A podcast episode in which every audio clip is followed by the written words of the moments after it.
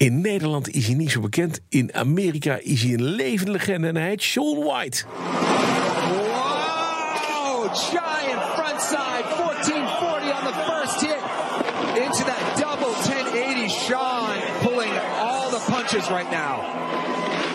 De Flying Tomato wordt hij ook wel genoemd, Sean White. Snowboarder van beroep. Vannacht won hij voor de derde keer Olympisch goud. En daar praat ik over met eh, onze man in Zuid-Korea momenteel. Eh, Verslaggever Thomas Schuurman. Thomas, goedemorgen. Ja, goedemorgen Bas. Waarom is de Flying Tomato zo'n enorme grootheid? Nou, ken jij veel sporters die hun eigen hamburger hebben tijdens een Olympisch toernooi? Niet veel, nee. Nee, nou, en die is hier in Pyeongchang gewoon te vinden hoor. De Flying Tomato Burger. Die speciaal dus voor Sean White is gemaakt.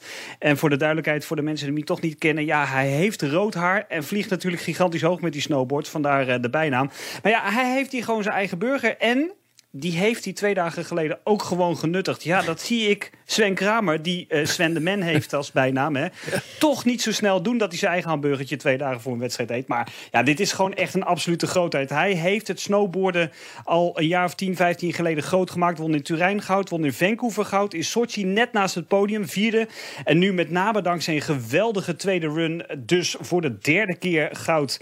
Ja, eh, een man die ook heel goed kan snowboarden. Vooral tijdens de X-Games altijd heel goed is. Hè. Daar al 13 keer goud won. De X-Games is eigenlijk ja, het evenement van al die spectaculaire eh, sneeuwonderdelen. Ja. Eh, ja, die komt hier dus naartoe. En nog één dingetje, dat moet ik er echt bij vertellen. Een half jaar geleden, in oktober, kwam hij tijdens een wedstrijd in Nieuw-Zeeland... keihard met zijn mond op de rand van de halfpijp eh, terecht. Ja, dat is gewoon één grote ijzer, ijzeren plaat.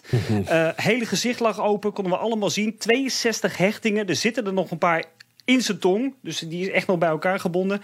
Ja, en bent hij gewoon goud. Ongelooflijk, hè? Dat zijn toch wel bikkels, deze man met zijn rode haar. Hoe was het eigenlijk met de wind? Want eh, de afgelopen dagen was natuurlijk, eh, stormde het gewoon in die halfpipe. Problemen?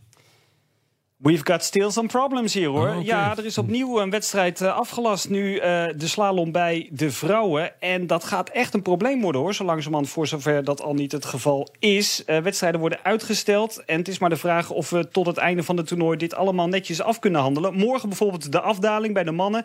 Er wordt wel gezegd dat het de komende dagen minder gaat worden. Maar vooralsnog ja, stormt het echt hier in Pyeongchang zou je kunnen zeggen. Tot slot, even naar Nederland. Ik neem aan iets met scha- schaatsen. Bas, je begint er wel verstand weer van te krijgen. jongen, ja, ik- nee. eh, maar toch. Ja. nou, nee, maar kom op. Ja, het gaat natuurlijk formidabel hier. eh, Ja. daar, eh, daar is iedereen het over eens. Vandaag de 1000 meter bij de vrouwen. Drie Nederlandse deelnemers.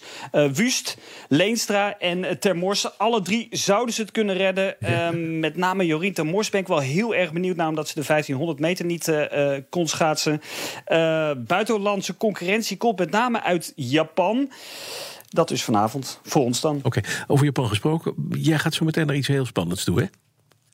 Ja, nee, ik ga naar een ijshockeywedstrijd zometeen van het gecombineerde team van Korea, Noord- en Zuid-Korea dus, tegen aartsrivaal Japan. Oh. Ja, dat zijn toch van die momenten op te spelen waar je echt van kunt smullen. Ja, half dat hoor je trouwens later in de uitzending. Dat wou ik zeggen. Half tien ben je er weer. Dankjewel, Thomas.